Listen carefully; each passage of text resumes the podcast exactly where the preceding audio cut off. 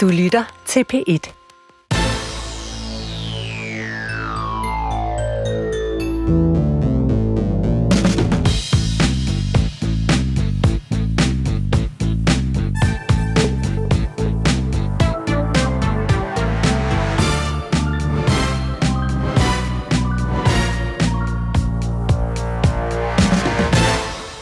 Velkommen som ugens gæst, Jakob Korsbo. Mange tak.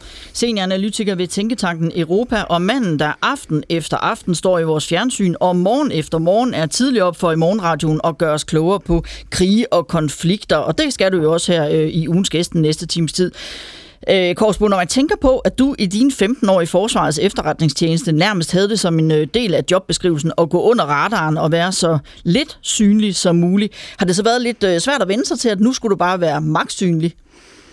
Ja, det har det. det og øh, jeg vil sige, det var ikke bare nærmest en del af op, øh, jobbeskrivelsen. Det var selve jobbeskrivelsen at holde sig så langt væk fra medier og den slags som muligt. Øh, jeg kan huske, jeg beskriver faktisk også i min bog en enkelt episode, hvor der var medier indblandet i noget af vores øh, arbejde. Og, øh, og det er ikke en god ting. Så ja, det har været en stor omvæltning, og øh, jeg utvivlsomt også gjorde min andel af fejl, men øh, jeg har taget det nedefra op, og øh, nu er vi så her, ja.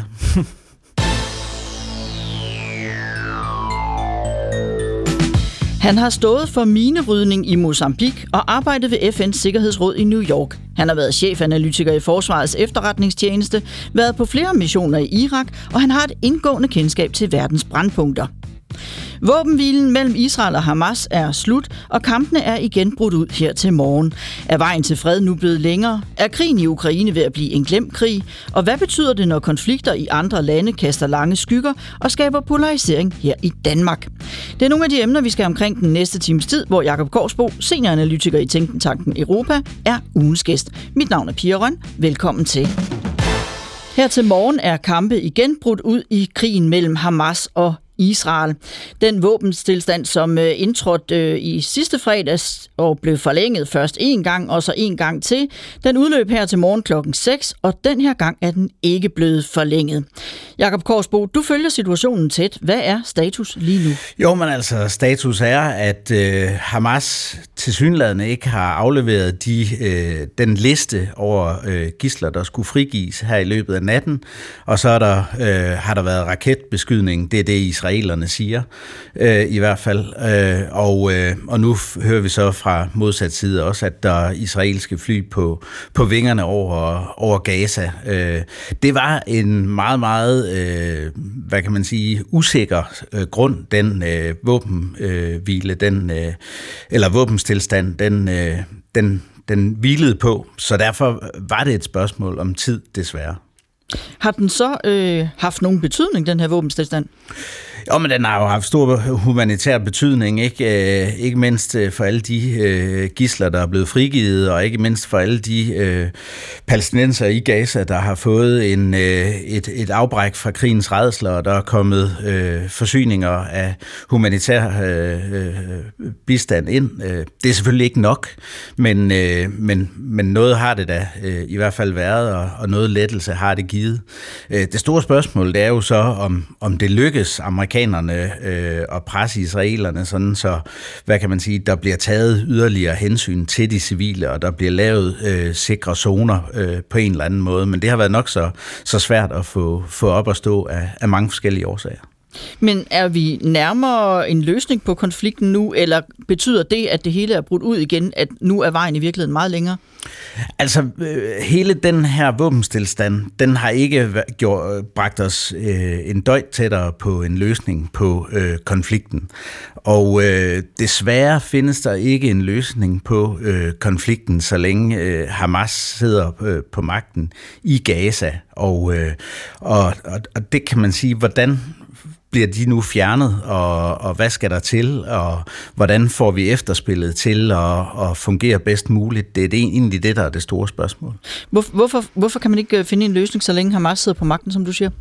Jamen, det er fordi, at Hamas øh, vil, øh, vil Israel til livs, øh, og, øh, og, og det har de så støtte øh, til fra, fra blandt andet Iran, øh, og, øh, og derfor vil de blive ved med at være en, øh, en form for øh, kraftsvulst øh, for, for stabilitet i området, øh, lige så længe som, øh, som de er en magtfaktor. Så det her drejer sig egentlig om at, at, at få knækket den, øh, den del af ligningen. På den anden side kan man jo også spørge, kan der komme fred, så længe Netanyahu står i spidsen for Israel? Det tror jeg så heller ikke. Øh, og det er den anden side af mønten. Øh, den øh, regering, der er nu, øh, har heller ikke viljen til at gøre det, der skal til øh, for at få fred. Den har i flere år øh, undergravet øh, de palæstinensiske myndigheders øh, øh, greb om, øh, om situationen på, øh, på Vestbreden, og, og har gjort, at, at, at selve myndighederne og Fatah er blevet så svækket, øh, så, så de ikke kan udgøre den bærende, øh, den bærende del af en øh, holdbar palæstinensisk regering. Så på den måde er det, er det noget, en, en helt ny øh, materie, der skal øh, sættes sammen. USA's øh, præsident Biden, han har jo flere gange øh, sagt sådan her. I'll continue working with all our partners to take the hard but necessary steps to build an integrated and more prosperous and more peaceful future in the region. A two-state solution is the only way to guarantee the long-term security of both Israelis and Palestinian people. Ja, så sent som i tirsdag, så, så skrev Biden også øh, på X, at en tostatsløsning er den eneste måde at garantere langvarig sikkerhed for både israeler og palæstinenser. Det var en melding, som skabte forvirring og sådan set også øh, bekymring i Israel, fordi man tolkede det som udtryk for vigende støtte fra amerikanerne. Hører du det også sådan?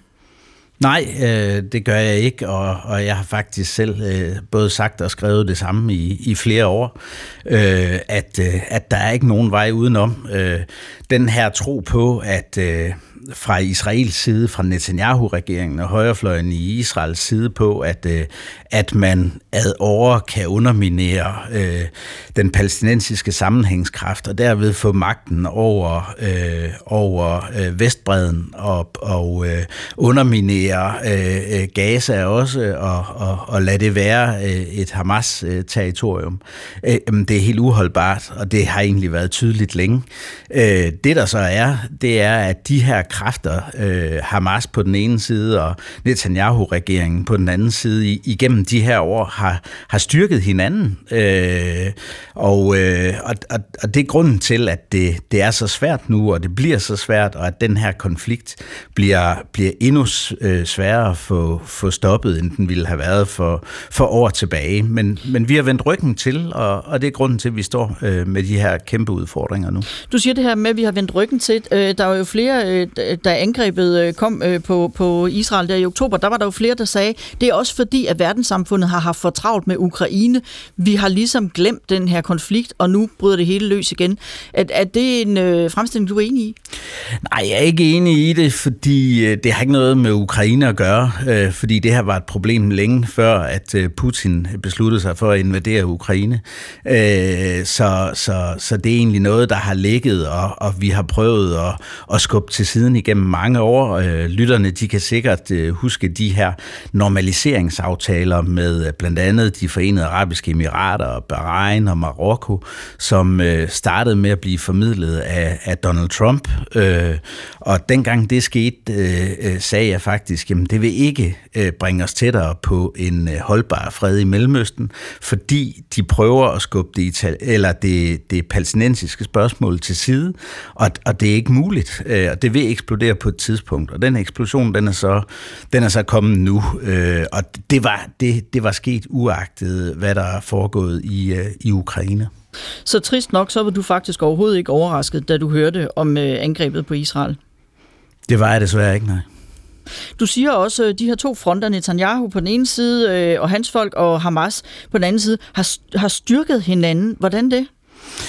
Jo, men altså, de har jo bekræftet øh, befolkningerne på begge sider i, at, øh, at modparten ikke vil fred. Øh, det er det, der har været Hamas' argument hele tiden. Øh, skræmmebilleder omkring israelerne, og de vil jo alligevel ikke give pa- os palæstinenser en stat, og derfor bliver vi nødt til at gribe til våben, og, og så videre, og så videre. Og på samme måde har øh, Netanyahu øh, øh, kunne holde øh, Hamas op, og så sige, jamen se her, de er støttet af Iran, øh, de får flere og flere øh, øh, våben, vi kan jo ikke ikke øh, have en palæstinensisk stat, når, når det her er en, er en stor del af, af den palæstinensiske realitet. Øh, og, og, og på den måde har de, har de egentlig bekræftet hinanden, og, og den øh, midterrabat, hvor, hvor vi mange, der har sagt, at den eneste vej til stabilitet, det er en tostatsløsning, øh, løsning, den er blevet svagere og svagere, og øh, ja, øh, os, der bliver ved med at sige det, vi står ufattelig svagt, men øh, den, den ubehagelige sandhed, og, og den eneste øh, Øh, grund til optimisme, det er egentlig, at øh, til sidst, der, der er der ikke nogen vej udenom, hvis vi skal undgå evig krig. Nej, fordi jeg tænker også, det virker jo ikke som om, at der er sådan den store lyst øh, til en fredelig løsning i toppen af hverken den ene eller den anden side. Så det kan godt være, at du siger øh, sammen med Biden, at den tostatsløsning er den eneste løsning. Men, men er det en realistisk løsning? Altså, hvad skal der til, for at det overhovedet kan lade sig gøre? Jamen altså, der, der skal jo øh, rigtig meget til. Altså for det første skal øh, både USA og, og, og også i Europa være villige til at investere rigtig meget i det. Øh, vi skal også være villige til at lægge et pres på, på Israel. Øh, og, øh, og så kan man sige, så, så må vi jo også se, hvordan øh, den her øh, øh, demokratiske proces spiller ud i Israel. Altså der er jo, øh, øh, hvad kan man sige, kæmpestor modstand mod øh, Netanyahu-regeringen. Den har aldrig været mere øh, upopulær end, øh, end nu. Om det kan materialisere sig i en større forståelse for, for en tostatsløsning, og det at gøre noget for, at palæstinenserne rent faktisk får en, øh, en, øh, en egen øh, stat, jamen det, øh, det må vi se, men der er nogle meningsmålingstal, der, der peger i den retning, trods alt. Det, der så også er, er super vigtigt øh, og helt uomgængeligt, det er, at de moderate, moderate arabiske lande, de involverer sig rigtig øh, tæt i det her. Og der tænker jeg på Ægypten, der tænker jeg på Saudi-Arabien, der tænker jeg på øh, de forenede arabiske emirater, Jordan, øh, Bahrain, Marokko osv., og, og, og for dem til at, at komme med os om det her projekt. Og der kan, der kan man sige, når vi ser på, hvad Saudi-Arabien har udtalt, og hvad øh, Ægypten har udtalt, som nok er de to stærkeste kræfter i, i, i hele det her, jamen, så peger det også i, i, i den retning. Så der er der, der, er der i hvert fald noget, øh, der tyder på, at, øh, at vi kan få dem til at være, være aktive medspillere. Men så har vi jo også Iran. Så har vi den evige spoiler, og det er også derfor, at øh, det setup, der skal laves, skal være meget mere solidt end, det, end det gamle, øh, den gamle palæstinensiske myndighed og, og Fatah var. Og, og det er også derfor, at den interna, det internationale engagement skal være meget øh, mere øh, håndfast. Øh, og det gælder ikke mindst på sikkerhedsområdet, øh, fordi det, øh, der er omkring den her konflikt, og det der i øvrigt er omkring alle de konflikter, vi har set i Libyen, Syrien, Irak og, og så videre, så videre. Det er til syvende og sidst, er det dem med våbnene, der, der bestemmer, og øh, det er jo også det, der har ført til, at Hamas kunne overtage magten på, i Gaza øh, der i 2006 og 7, øh, fordi de havde de, de var den stærkeste øh, bevæbnede øh, fraktion. Øh, og øh, og det, det skal vi jo øh, undgå, at de bliver igen. Og det vil Iran forsøge at fastholde, men, øh, men der er det, at det er de arabiske lande, der skal være, der skal være aktive øh, sammen med øh, hele Vesten, sammen med Israel. Og det her internationale engagement, du taler om, øh, ud over at lægge pres, hvad tænker du så konkret, det skal være? Jo, men altså, der, der kan man sige, hvor langt er det, vi vil gå i forhold til, øh, til Netanyahu-regeringen, øh, når de nu i, i, i de her dage bliver ved med egentlig at lave bosættelsesprojekter og så videre, så videre på Vestbreden. Altså, der, der, der bliver vi simpelthen nødt til at, at sætte, øh, sætte foden ned og, og og forklare øh, dem, at det bliver dyrt for dem. Øh, det vil have omkostninger, øh, og også andre omkostninger end international fordømmelse. Øh, og øh, der ved jeg, at Biden-administrationen har øh, talt om øh, muligheder for at, at lave øh, målrettede sanktioner mod nogle af de bosætterledere, som, som står bag øh, det her. Men, øh, men jeg tror, det vil blive nødvendigt at... Øh, og, øh, og virkelig tage, tage fløjelshandskerne af i forhold til øh, den, øh, den israelske regering og, og forklare, at det vil komme med omkostninger, hvis de fortsætter i modstrid med, med internationale aftaler på Vestbreden. Du siger også øh, det her med, at det er nødt til på et tidspunkt at være løsningen, fordi der er ikke andre løsninger. Men når du sådan ser på, øh, hvad der sker lige nu, hvad, hvad, hvad tænker du så udsigterne er på det her? Jamen altså, øh, de, er, øh, de er svære, og der skal, øh, der skal rigtig meget til. Øh, jeg vil sige, det, det største problem lige nu og her i de her øh, timer og, og dage, det er faktisk det spørgsmål, som øh, Anthony Blinken var i... Øh, var i øh, Israel og, og drøfte i går, nemlig med, jamen, hvordan kan Israel gå videre for at ramme Hamas? Uden at det får de her enorme civile øh, konsekvenser. Hvordan kan deres militære operationer være mere målrettede, øh, og, og hvordan kan man sørge for at få øh, de civile ud af, ud af krydsilden? Øh, og, øh, og det er jo øh, virkelig, øh, og det bliver enormt svært. Øh, men vi må bare håbe det bedste. Og der skal vi jo i øvrigt også huske, at der har været samtaler det ved vi fra den egyptiske regering blandt andet, øh, der har, hvor man har talt om en form for international overvågning af de her civile øh, sikkerhedszoner. Øh, men det vil Hamas ikke være med til. Øh, og øh, og det, det skal man jo huske, at, øh, at Hamas er, er, er skrupelløs i forhold til øh, de palæstinensiske civile. Og det er også en del af hele, hele problematikken. Det fratager ikke Israel et ansvar, men det siger bare noget om, hvor komplekst det her er. Øhm, krigen mellem Israel og Hamas, den har også kastet skygger her i Danmark. Sociale medier flyder over af angreb på den ene og den anden part. Det er næsten som om, man skal have valgt øh, Team Israel eller Team Palæstina. Hvordan kan det være, tror du, at det, at det er så opdelt? Ja, det er, det, det er skræmmende. Øh, jeg er også blevet beskyldt for rigtig meget. Jeg har sagt, at den eneste, jeg holder med, det er en tostatsløsning. Jeg holder med Israel og Palæstina. øh, men øh, men øh, man skal jo ikke sige et kvæk før, at, øh, at det modsatte det bliver, det bliver anført. Men, men altså det, det, det er virkelig, øh, virkelig problematisk, øh, og vi må, vi må håbe, at, øh, at stemningen den, øh, den ligesom kan, øh, kan styres, fordi øh, det, der foregår, er, er meget polariserende. Mm. Øh, Ja, vi hører jo om øh, hagekors øh, på danske jøder større og i øh, folkeskolerne, og vi hører om spytklatter på overrabineren, og om en øh, palæstinensisk restaurant ved navn øh, Gaza Grill, der får ubehagelige opringninger, og som på sociale medier også bliver udskammet som Hamas-sympatisører. Den er god fordi, Gaza Grill. Den er nemlig rigtig god, ja. Øhm, udenrigsminister Lars Løkke Rasmussen, han øh, forsøgte sig med dialogen i begge retninger ved markeringen af 85-året for Krystalnatten. Først så henvendte Løkke sig til en mand, der foran et, bonner, et banner med ordene Fuck Islam i en megafon stod og råbte slagord om, at verden er i krig med islam. Dernæst så øh, gik han hen til en række kvinder, der stod og råbte kampråbet, børn i Gaza har ret til et liv. Øh, der var lidt uro, og så gik Lars Løkke Rasmussen, øh, udenrigsministeren sporenstrengs hen til dem, øh, og de henvendte sig så til ham. Børn i Gaza bliver slagtet, lød det oprevet fra en af dem, mens en anden spurgte, hvorfor det egentlig kun er jøderne, der skal mindes. Hvad med os palæstinenser, lød det. Og lad os så lige høre, øh, hvad der skete. Ja, men du er også meget vred over at have masser lavet det terrorangreb. Nej, det er jeg virkelig ikke. Det er du ikke. Nej, det er jeg ikke. Det er jeg virkelig ikke. Jeg er mega glad for, at Hamas tog den beslutning den 7. 7. oktober. Vi har været i fucking fængsel siden 1948. Det er jo det, så filmen knækker for dig, ikke? Kommer det egentlig bag på dig, Jakob Korsbo, at, øh, at konflikten kaster så lange skygger i Danmark?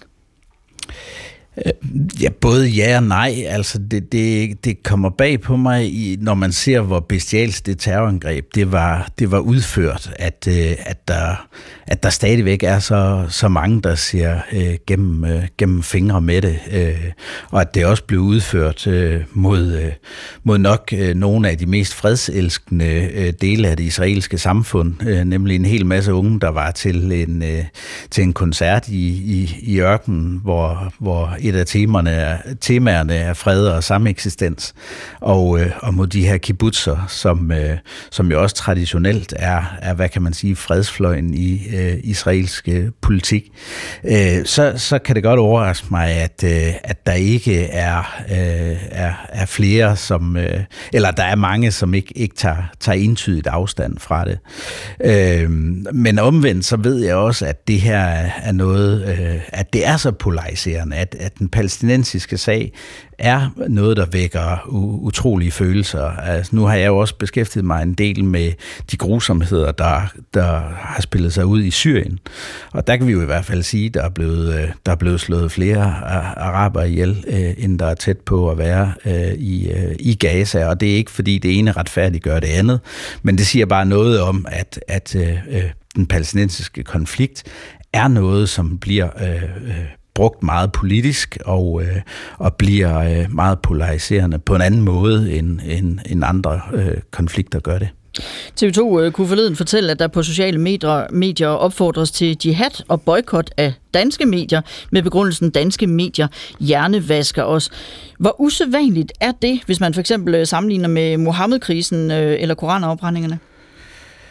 Jo, men her, her er vi oppe i den øh, mere øh, krasbørstige ende, øh, og øh, jeg, jeg, jeg vil sige, at jeg, jeg oplever det faktisk stærkere den her gang, synes jeg, øh, i forhold til, øh, man kan sige, Mohammed-krisen øh, rigtig, altså det var jo sådan, øh, hvad kan man sige, meget en, en en dansk ting især. Øh, og, øh, og, og, og her er det, er det på noget større øh, klinge rent internationalt. Og derfor så, så, så rammer det rigtig hårdt, og det, det, det, på den måde så kan det godt være lidt overraskende, at det, at det sætter sig så meget i Danmark. Men vi, vi lever jo også i, hvad kan man sige, en tid, hvor, hvor fløjene øh, bliver styrket, og hvor retorikken er hårdere, og du har hele påvirkningen af ind af, af sociale medier, der også bliver brugt flittigt af, af yderfløjene til at, og, og, hvad kan man sige, øh, øh, male, male nogle billeder op, som de ønsker at, at præsentere, og, øh, og det er farligt. Ja, hvor farligt er den her polarisering, øh, som vi ser lige nu, tænker du, øh, med, med, med hele din øh, erfaring fra, øh, fra FE? Jo, men altså, i forhold til radikalisering og, øh, og, og potentiale for, for, for terrorrekruttering, jamen, så er det øh, enormt alvorligt. Øh, fordi, øh, øh fordi de de kræfter, der gerne vil, øh, vil det, de forstår, hvordan de skal udnytte sociale medier, og hvordan de skal øh, ligesom male, male de her øh, skræmmebilleder op af, af modparten. Og, øh, og, og der kan man sige, det gælder jo både på, øh, på den øh, militante islamistiske fløj, men, men, men så sandelig også på den militante øh, højrefløj, øh, som jo også er, er, er meget aktiv i forhold til skræmmebilledet Øh, øh, for, i forhold til islam og, og, og så videre. Så, videre. og øh, så på begge, på begge sider er der et enormt radikalis- radikaliseringspotentiale i det her. Og det er jo også øh, noget, justitsminister Peter Hummelgaard han har adresseret. Her, hvor jeg bliver bekymret, det er jo for det første de ting, man læser på nettet. Det er, øh, når efterretningstjenesten, og ikke bare i Danmark, men også ude omkring Europa, vurderer, at det her det har en, et, et radikaliserende element, som kan tilskynde nogen til at mene, at konflikten i Mellemøsten skal tages på dansk jord sagde altså øh, Peter Hummelgaard. I flere lande som Frankrig og Tyskland, der har der jo været forbud mod øh, pro-palæstinensiske demonstrationer med henvisning til frygten for Hamas forherligelse og antisemitisme. Det er et ret øh, vidtgående indgreb, kan man sige, i forhold til ytringsfriheden. Hvad tænker du om det? Jamen altså, det er... Øh en ekstremt kompleks øh, øh, afvejning, der skal, øh, der skal gøres, fordi øh, det kan gå til begge sider. Og øh, man kan sige, på den ene side kan vi sige, at demonstrationer ved vi, at, øh, at det er en ventil, øh, der gør, at, øh, at nogen kommer ud med deres utilfredshed på den måde, og, og så virker det mindre radikaliserende.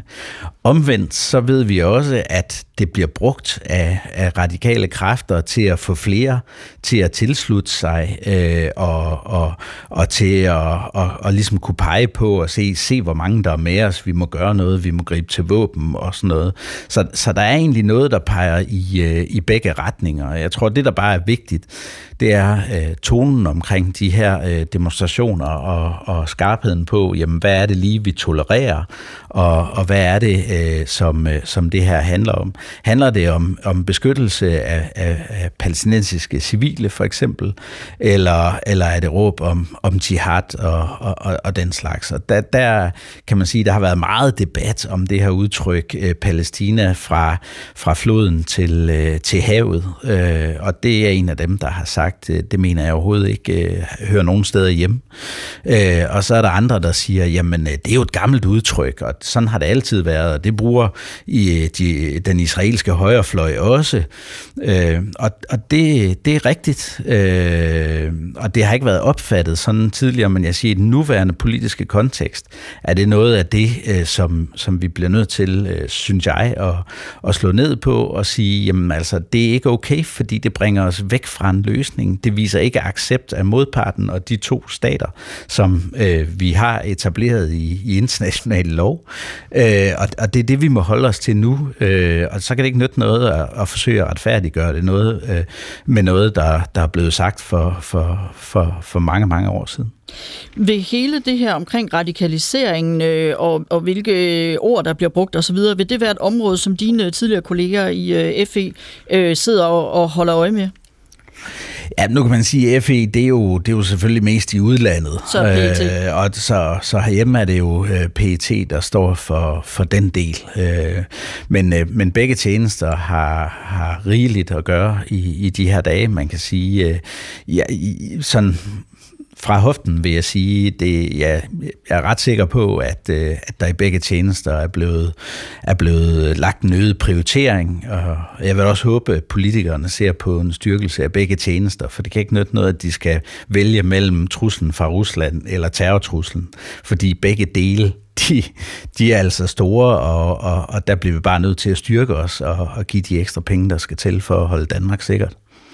Øh, vi ser jo også, at der er fuld blus på informationskrigen, øh, eller propagandamaskinerne, om man vil. Øh, vi så blandt andet der den 17. oktober, hvor Hamas øh, og Islamisk Jihad meddelte, at, øh, at et hospital var blevet ramt af et luftangreb fra Israel. Der var så en øh, talsmand fra det israelske militær, der hævdede, at 10 raketter blev affyret fra Palæstina nær hospitalet mod Israel, og at en af de her raketter ved en fejl ramt hospitalet, eller faktisk for at være mere præcis, en parkeringsplads ved hospitalet alle de her oplysninger, der kører lige nu, hvordan går du som analytiker til en sag som den her?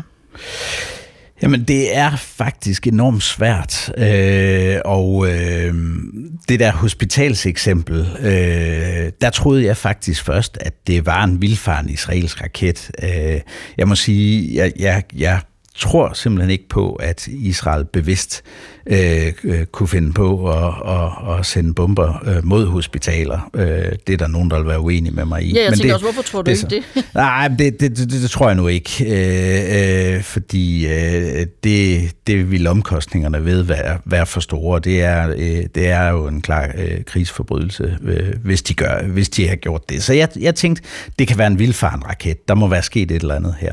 Og så var det faktisk først i løbet af aftenen, jeg sådan øh, kunne se på nogle, nogle dataanalyser, at det, øh, det tyder på, at, øh, at det var noget helt andet. Øh, men på det tidspunkt, så var øh, nyheden jo allerede bragt fra Al Jazeera og, og derefter kopieret til alle øh, store vestlige medier. Og, og, og så blev det jo øh, den her øh, breaking news med, at øh, Israel havde dræbt 500 øh, palæstinenser på et hospital.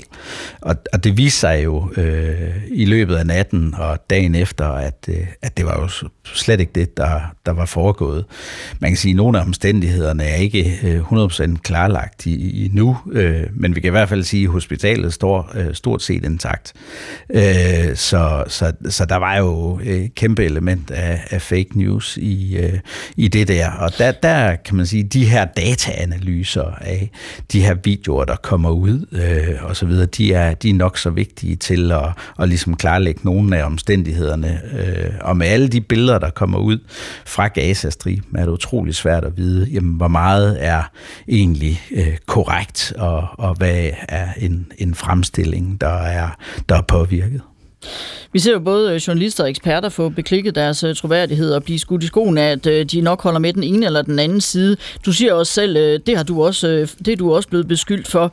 Øhm, hvordan verificerer du egentlig oplysninger, øhm, og, og hvilke overvejelser gør du der i forhold til din offentlige fremtræden? Jo, altså øh, på, på datasiden først, så har, så har jeg jo i, i lang tid øh, også haft travlt med, øh, med Ukrainekrigen, og, og der er nogle eksperter, som, øh, som kan nogle af de samme tricks med data, som øh, nogle af mine gamle medarbejdere i, øh, i, i FE, øh, som er ude i det åbne miljø nu. Øh, og dem følger jeg øh, tæt, fordi de sidder nemlig og, og, og verificerer alle de her data, du kan trække ud af videoer og billeder og så videre, så videre, og lave geolokalisering og så videre.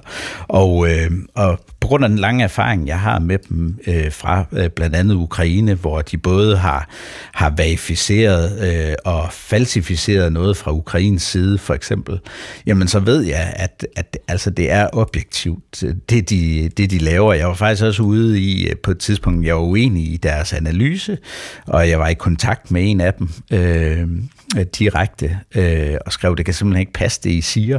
Det var omkring det her øh, øh ukrainske droneangreb på den røde plads, øh, hvor, jeg, hvor jeg simpelthen ikke øh, kunne få vinklerne til at passe i forhold til det, de sagde. Og, øh, og til sidst, men til sidst måtte jeg give mig. Øh, det var øh, ukrainske øh, droner, øh, der var kommet ind. Øh, jeg troede, der var noget andet, der der var, der var, der var bag. Men, øh, men det siger mig noget om, at de er øh, fuldstændig upartiske, og det er data. Øh, det er ikke data, der kan bruges i en retssal, men det er vigtige indicier, når vi skal prøve at klarlægge det her i krigens tåger.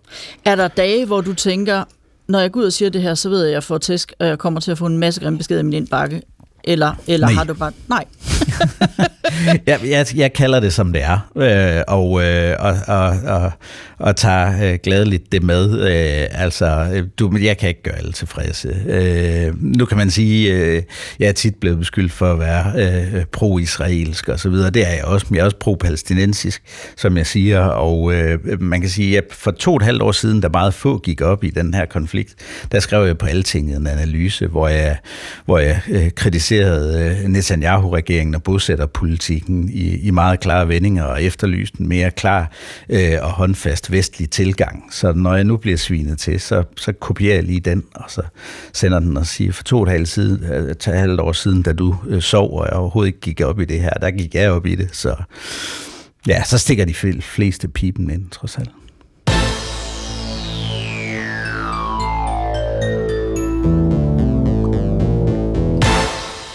Ugens gæst er Jakob Korsbo, 53 år, senioranalytiker i Tænketanken Europa og tidligere chefanalytiker ved Forsvarets efterretningstjeneste. Han har arbejdet for FN i Mozambique, været ansat i Udenrigsministeriets Mellemøstkontor, og i perioden 2003 til 2017 var han ansat ved FE, hvor han blandt andet var på flere missioner i Irak.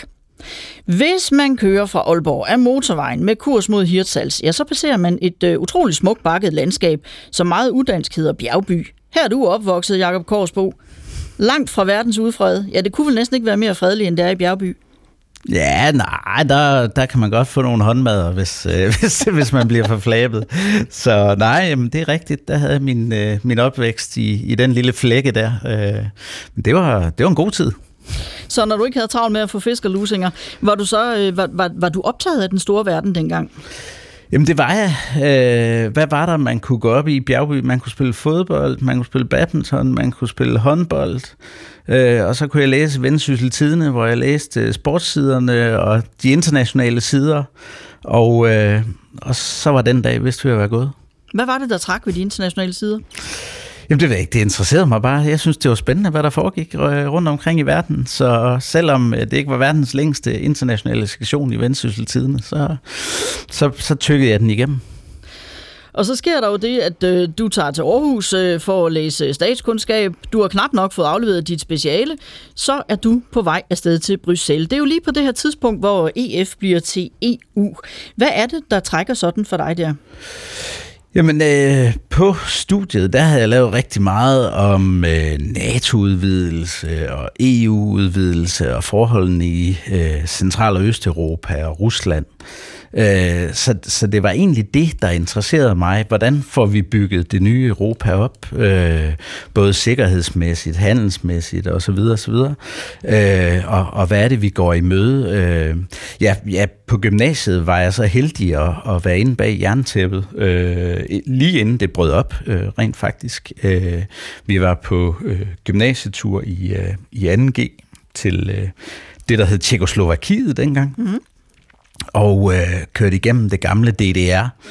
Øh, og øh, vi talte med, med nogen, det var selvfølgelig statssponsorerede guider, vi kunne få lov at tale med, øh, men som sagde, at ah, der kommer ikke til at ske noget. Øh, DDR at, øh, at øh, politi er en politistat. Det kan godt være, at der sker noget i Ungarn nu, og måske lidt i Polen, men DDR kan I ikke rock på. Øh, der kommer ikke til at ske noget. Og, øh, og øh, to måneder senere faldt, øh, faldt muren.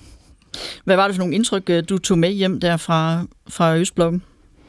Det, det, var, det var nogle surrealistiske øh, indtryk. Øh, det farmede DDR øh, helt, øh, helt galt, og så boede vi i en, øh, en øh, nordtjekkisk øh, industriby, der hedder Usti, som på det tidspunkt var Europas mest forurenede øh, by. Man kunne nærmest øh, mærke så, sod i, i næsen.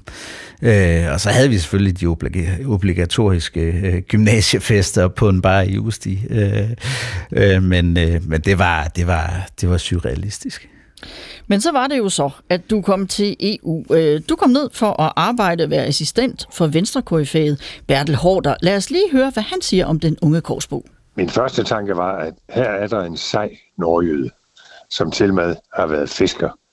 Notfisker. Det lyste han af. Det imponerede mig meget. Og så siden er han jo blevet en verdensmand. Men han har bevaret, heldigvis, sin jyske dialekt. Han virkede overhovedet ikke ambitiøs og brugte ikke sine albuer, så vidt jeg ved, overhovedet. Men han øh, er jo en, der er meget interesseret, vildt engageret i, i samfundet, og især i udenrigspolitikken og sikkerhedspolitikken og forsvar og så videre. Og, og det engagement gør ham troværdig, når han udtaler sig om de dele. Sagde altså øh, Bertel Hårder. Du er simpelthen nødt til at forklare det der notfiskeri. Hvad er det? Jamen, ja, altså, jeg boede jo, jeg boede jo i, øh, i Bjergby øh, et stenkast fra, fra Hirtals, og øh, i, på gymnasiet, øh, der, der arbejdede jeg nede i fiskeindustrien, og, øh, og en af mine kammerater Øh, var så ud af en familie, hvor de, hvor de ejede en del af de her not, øh, notbåde. Og, øh, så jeg fik, øh, jeg fik plads på en øh, notbåd i min sommerferie, og så, så sejlede jeg ellers ud på, på Nordsøen og, øh, og hæv i nogle, øh, nogle, store, nogle store net, øh, og fik rigtig lange arme. Ja. ja. Det er, jo, det, er jo, det er jo sådan et, øh, et, øh, et net på størrelse med en fodboldbane øh, i omfang. Øh, så, så der skal gås til den med både bly og, og flod og det hele, og så får man, så får man tunge arme. Og øh, du fik også øh, tunge arme i forhold til EU. I hvert fald øh, fik du lyst til at rejse hjem igen, for du vil gerne hjem til din kæreste. Så søger du job øh, hos FN's udviklingsprogram UNDP. Du har altså lige nået at fri til din kæreste Mette, inden du får svar om, at du skal afsted. Og så kommer der beskeden om, at I skal til Mozambique. Ja, I må lige slå op, hvor er det nu egentlig lige, det ligger henne. Øhm, siden så bliver du så ansat i Udenrigsministeriet med fokus på Iran og Irak. Men den 11. september 2001, der sker der noget, der forandrer verden, og også sender dit liv i en ny retning. This just in, you are looking at a, obviously a very disturbing live shot there. That is the World Trade Center, and we have unconfirmed reports this morning that a plane has crashed into one of the towers of the World Trade Center. Terrorangrebet mod USA sætter en ny dagsverden, øh, også for efterretningstjenesterne, og det er så på den baggrund, at du rekrutteres øh, til Forsvarets efterretningstjeneste i 2003. Du er jo øh, i FE i 15 år, og undervejs der sendes du flere gange til Irak. Lad mig lige sige med det samme, det er jo ikke fordi, du har nogen militær baggrund. Øh, alligevel så tøver du ikke med at sige ja, kæmpe ja til at blive udsendt til en krigszone. Hvorfor? Fordi jeg så det som en enorm vigtig del af, af arbejdet. Øh, forstå det, øh, arbejde med det øh, intenst, øh, komme ned og få følingen med, jamen, hvad er det, der foregår, hele den militære indsats, den efterretningsmæssige indsats og den politiske indsats for at få, få Irak på, på fod igen. Og, og det... Øh, det, det var bare noget, jeg så som en, øh, en naturlig og, og nødvendig del af, af arbejdet. Øh, og øh, jeg ser også tilbage på det som, som noget af det mest øh, lærerige øh, overhovedet. Så, så det var en, øh, en hård tid og en, øh, en øh, krævende øh, tid, men, øh, men også noget, som øh, uagtet de farer, der var ved det, øh, så nød jeg det i fuld drag. Ja, for det er jo ikke øh, helt ufarligt øh, i, i øh, din bog, som handler om tiden øh, i statens hemmelige tjeneste. Der beskriver du, hvordan øh, du på et tidspunkt bor i et telt øh, uden for øh, Saddam Husseins øh, tidligere palads, øh, hvor, hvor der altså temmelig ofte kommer angreb og bomber. Og så siger amerikanerne til, at det kan ikke betale sig at gå op i, fordi enten rammer de, eller så rammer de ikke. Øh, hvad, hvad er det for nogle erfaringer, du tager med dig fra Irak?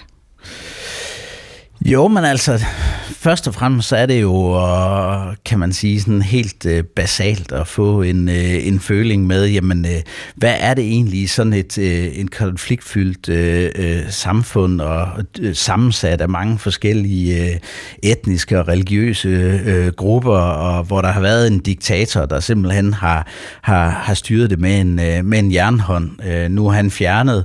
Øh, der blev begået rigtig mange fejl, øh, navnligt de, de første år, hvordan øh, får vi det her samlet op. Det nåede vi aldrig. Øh, noget af det, som, som, som stadigvæk øh, sådan undrer mig, det er de her, den her læring. Øh, der, der er mange øh, lærepunkter øh, fra det, som, øh, som vi aldrig har brugt, og hvor, vi, øh, hvor, hvor det jeg også oplevede i nogle år i, i FE, det var efter, at øh, vi trak os ud, og efter amerikanerne også trak sig ud af Irak, så, så foretrak man at, at lukke øjnene øh, og, og sige, nej, det der Irak, det er ikke politisk interessant, det lader vi ligge, øh, og, øh, og så lige pludselig en dag, så stod vi med øh, islamisk stat, og det, det er sådan et af, af, af mine øh, skrækeksempler på, hvad der, hvad der sker, når, når efterretningstjeneste bliver sådan drevet af den politiske prioritering. Øh, det, det bliver man nødt til at lade være med. I 2017, der siger du øh, op i, øh, i FE, og så øh, tager du faktisk øh, en smut øh, som øh, hjemmegående husfar. Det er nemlig, fordi din hustru har fået tilbudt et øh, job øh, i øh, Manchester, et lederjob, som lyder rigtig spændende, og derfor så tager du med derover. I dag er du øh, senioranalytiker ved Tænketanken Europa. Her er det direktøren for Tænketanken Lykke Friis, vi har ringet til. Det er jo klart, at når vi ansætter folk i Tænketanken, så er det jo en transfer, vi har gang i, så scouter man jo selvfølgelig derude på, på markedet, hvem der er, kan man få øje på nogle, på nogle stjerner, øh, og det synes cheftræneren her, at, øh, at Jakob var og er, øh, fordi han er i stand til at kommunikere, så folk kan forstå det. Altså, Jakob er ikke nogen EU-nørd. Han står ikke op som jeg for eksempel og tænker, hvad er der sket på EU's udenrigsministermøde, eller hvad er der sket øh, EU-topmødet.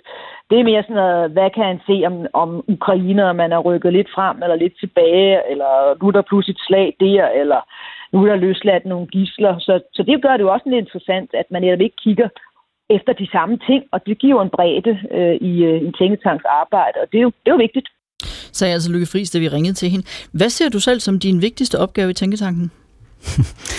Øh, jeg analyserer tingene lidt anderledes på grund af min øh, baggrund i efterretningstjenesten, så jeg ser altid på øh, øh de modstandere, vi har, øh, og, og, og så bedømmer jeg, hvad der er realistisk ud fra, ud fra øh, ikke blot de øh, politiske vinde og hvad man kan læse i, øh, i, i forskellige øh, øh store øh, vestje, vestlige medier om, øh, hvad der er sagt på det og det topmøde, men, øh, men jeg går op i, jamen, hvad, hvad er det egentlig, der rører sig i øh, øh Putin-regimet? Hvad, hvordan er det, øh, Hamas øh, forsøger at udnytte den her situation, og hvad er det, iranerne vil med det her?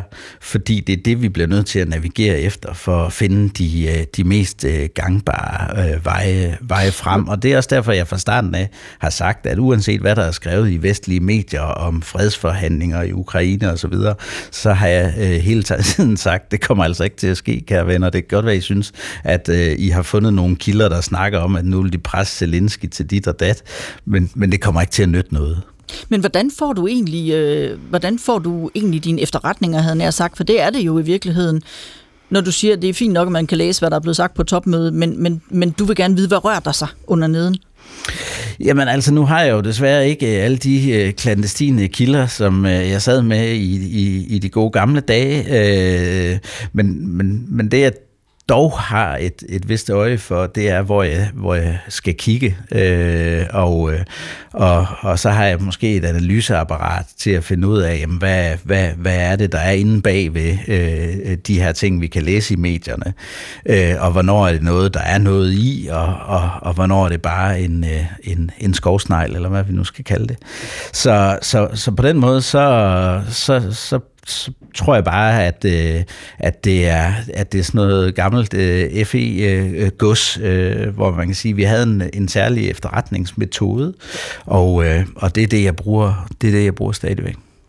Lige nu så får du en efterretning øh, fra din boss. Her er det igen, Løfris. Han er også en kollega, når der skal ske noget socialt. Jamen, så gjorde han det, det her i sommer, så han tog os alle sammen ud for at sejle i, øh, i kajak, øh, fordi det er jo den måde, han så åbenbart øh, slapper af på. Så tager han afsted der om morgenen og ud på, ud på søen, og jeg vil sige, der var han altså noget bedre end os andre, i hvert fald end mig. Vi faldt dog ikke i vandet. Så får man jo også de der billeder, hvor, hvor Jakob han er ude at cykle helt op et eller andet sted i, i Nordjylland og ser fuldstændig forblæst ud. Og jeg tror, det er lidt vigtigt, altså skal man være så meget på, øh, som, som Jakob er, øh, så er det jo også vigtigt, at man, man sådan får lige får rystet hovedet og får noget vind i håret og, og glemmer alt om, hvad der foregår i Gaza eller hvad der foregår i Krematorsk øh, i Ukraine. Så skal man nemlig lige have tømt hjernen, og det tror jeg er vigtigt. Har hun ret? Det har hun 100 procent. Altså, det har jeg altid gjort. Øh, selv, øh, selv øh, i, i Irak i 45 graders varme og med, med hvad hedder det, motorgranater flyvende, ikke omkring ørerne, men sådan inden for hørbar afstand, så, så holdt jeg fast i løbeture og, og, den, og den slags. Så, så der skal være plads til træning. Måske ikke hver dag, og benene de er måske heller ikke, hvad de har været, men, øh, men øh, noget får jeg da, får jeg da trænet. Så lad os lige slutte den her runde med en anden tidligere chef, nemlig Bertel Hårder. Han virker som en, der har en meget sund dømmekraft, og som ikke lader sig slå ud af kurs, bare fordi der kommer et eller andet, som, som nogen ikke har tænkt på. Jeg tror, han lever efter det jyske princip. Skal vi nu ikke lige, altså, skal vi nu ikke lige tage det roligt, og så få noget fornuftigt ud af situationen. Jeg vil sige til Jakob, at han skal blive ved at være sig selv. Det er det, der gør ham så pålidelig. Det er det, der gør, at man gerne vil betro ham noget. Og det er det, der gør, at man tror ham, når han udtaler sig om ting, som er hemmelige eller som kræver en helt særlig indsigt, som vi ikke alle sammen har. Ja, kan du love ham at blive ved med at være dig selv? Jamen, jeg tror, det er for sent at lave om. øh, og øh, og det, det, det, det tror jeg ikke, jeg vil kunne. Altså, så det er også derfor, jeg siger, altså derfor jeg tænker ikke over, hvem der bliver sur over det, det, det eller, eller det. Øh, jeg, jeg prøver at kalde det, og hvis, øh, hvis jeg kalder noget forkert, det har jeg også gjort, øh, så, så så har jeg ingen problem med at indrømme det, øh, hverken i radioen eller på tv. jeg har også sagt det jo, at hvis den her forudsigelse, den ikke øh, holder vand, så kommer jeg gerne ind og ruller rundt på en, en tv-skærm. Det har jeg så ikke været endnu, men, øh, men jeg har da gjort min del af, af fejltagelser. Vi har talt om krigen mellem Israel og Hamas, men der er jo også stadigvæk krig i Ukraine. I forbindelse med NATO-mødet i den her uge, der var der flere stemmer, der talte om dødvande i krigen, at fronterne ikke rigtig rykker sig, at der er behov for en ny strategi. Udenrigsminister Lars Løkke Rasmussen sagde, at det er rigtigt, vi er ved et kritisk punkt, hvor det er meget, meget vigtigt, at vi får genbekræftet vores tilsavn til Ukraine.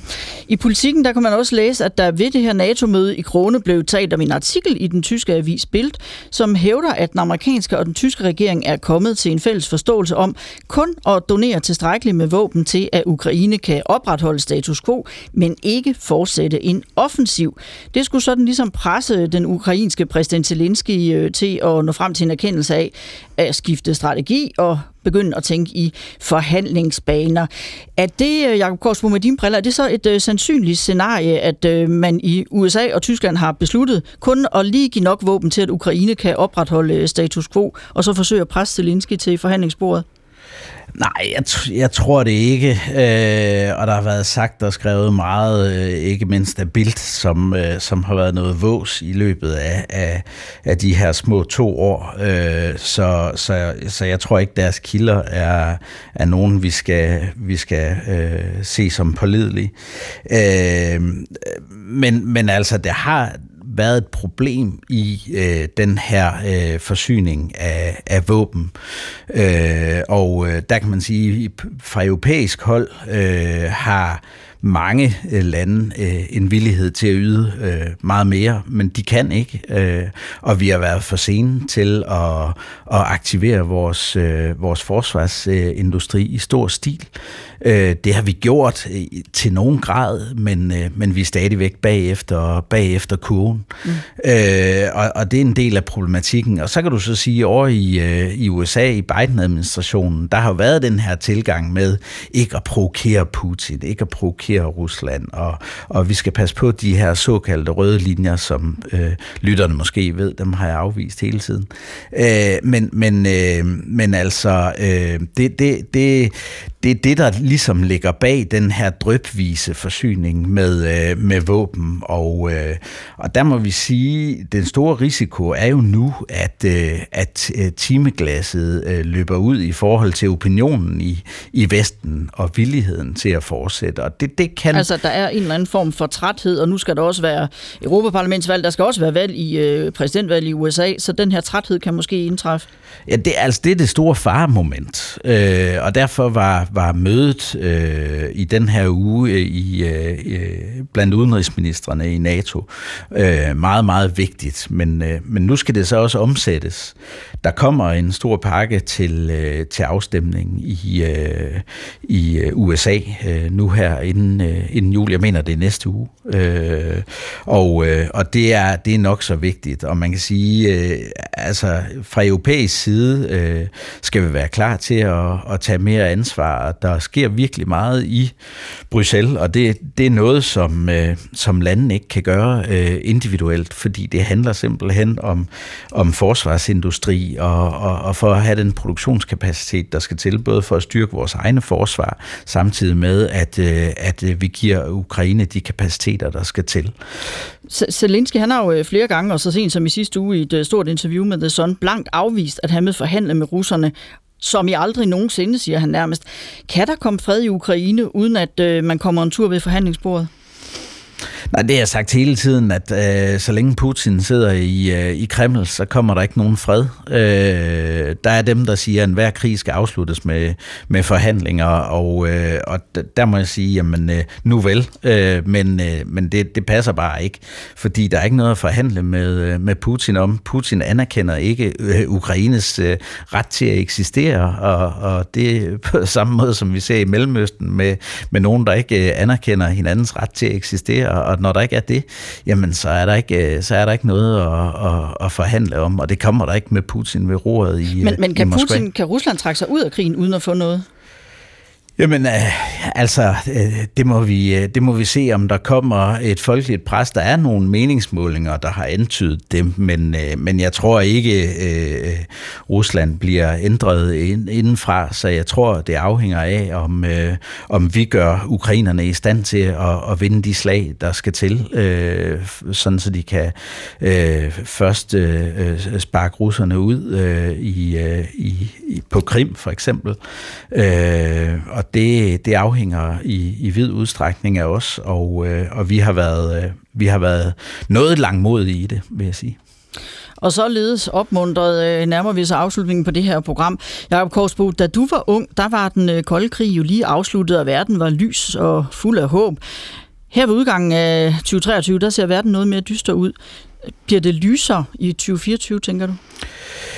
Jeg ved ikke lige i 2024, vi går nok øh, noget, øh, noget uro i, øh, i møde, men jeg tror en stor del af, af det, der skal til for, at vi får mere stabilitet, det er, at vi i Europa og i USA offrer mere og, og gør mere, og vi tænker udenrigspolitik, vi tænker sikkerhedspolitik, vi prioriterer også forsvarspolitik, og, og det har vi ikke gjort i rigtig mange år, og det, det er grunden til, at, at vi er kommet derud nu, hvor vi Øh, hvor vi er. Så, så forhåbentlig kan vi via egen kraft øh, øh, stabilisere øh, verdenssituationen øh, noget mere.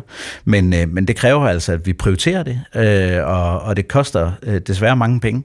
Det er jeg ked af at sige, men, øh, men, men jeg tror, det er, en, det er en god investering for, for Danmark. Så når du siger, at det bliver nok ikke lige 20, 2024, øh, hvor lange er udsigterne, tænker du? Ah, det er en, det er en stor ligning, øh, men, øh, men forhåbentlig i løbet af, af et par år, eller, eller, eller tre eller fem, så, så begynder vi at, at kunne se, at, at vi kan håndtere mere igen. Øh, og, men, men igen, det afhænger også af, hvad der sker til det amerikanske præsidentvalg øh, næste år. Det er den, øh, den ubehagelige joker.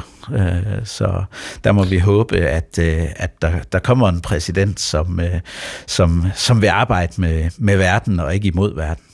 Jakob Korsbo, øh, tusind tak, fordi du var ugens gæst her i dag. Oline Kildegård sad i redaktionen, og Siv Søby Rasmussen producerede. Mit navn er Pia Røn, og du har valgt, at vi skal høre Bruce Springsteen her til sidst. Hvorfor? Jo, men altså, øh, når jeg nu har været på farten rundt omkring, øh, så og, og, og skal ind i nogle situationer, så, så plejer jeg altid at høre noget, noget god rockmusik. Nu øh, det her nummer med Bruce Springsteen, det er måske en af de mere øh, stille og melodiske, men, øh, men det er stadigvæk godt, og det minder mig jo også om, øh, hvor jeg kommer fra, øh, og, og alle de steder, jeg har været i verden, som jeg også ser som mine, mine, mine hjemsteder. Øh, så, så ja, My Hometown, det er, det er en af favoritterne.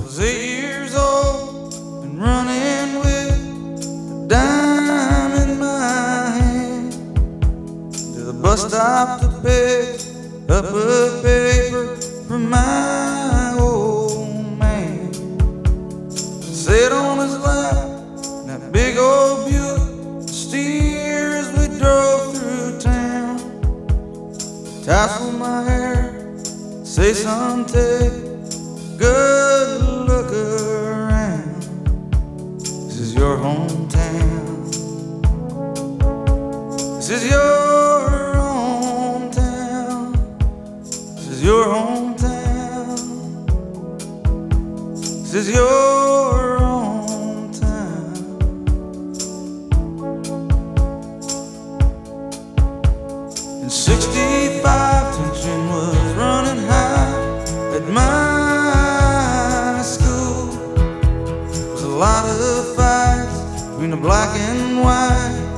nothing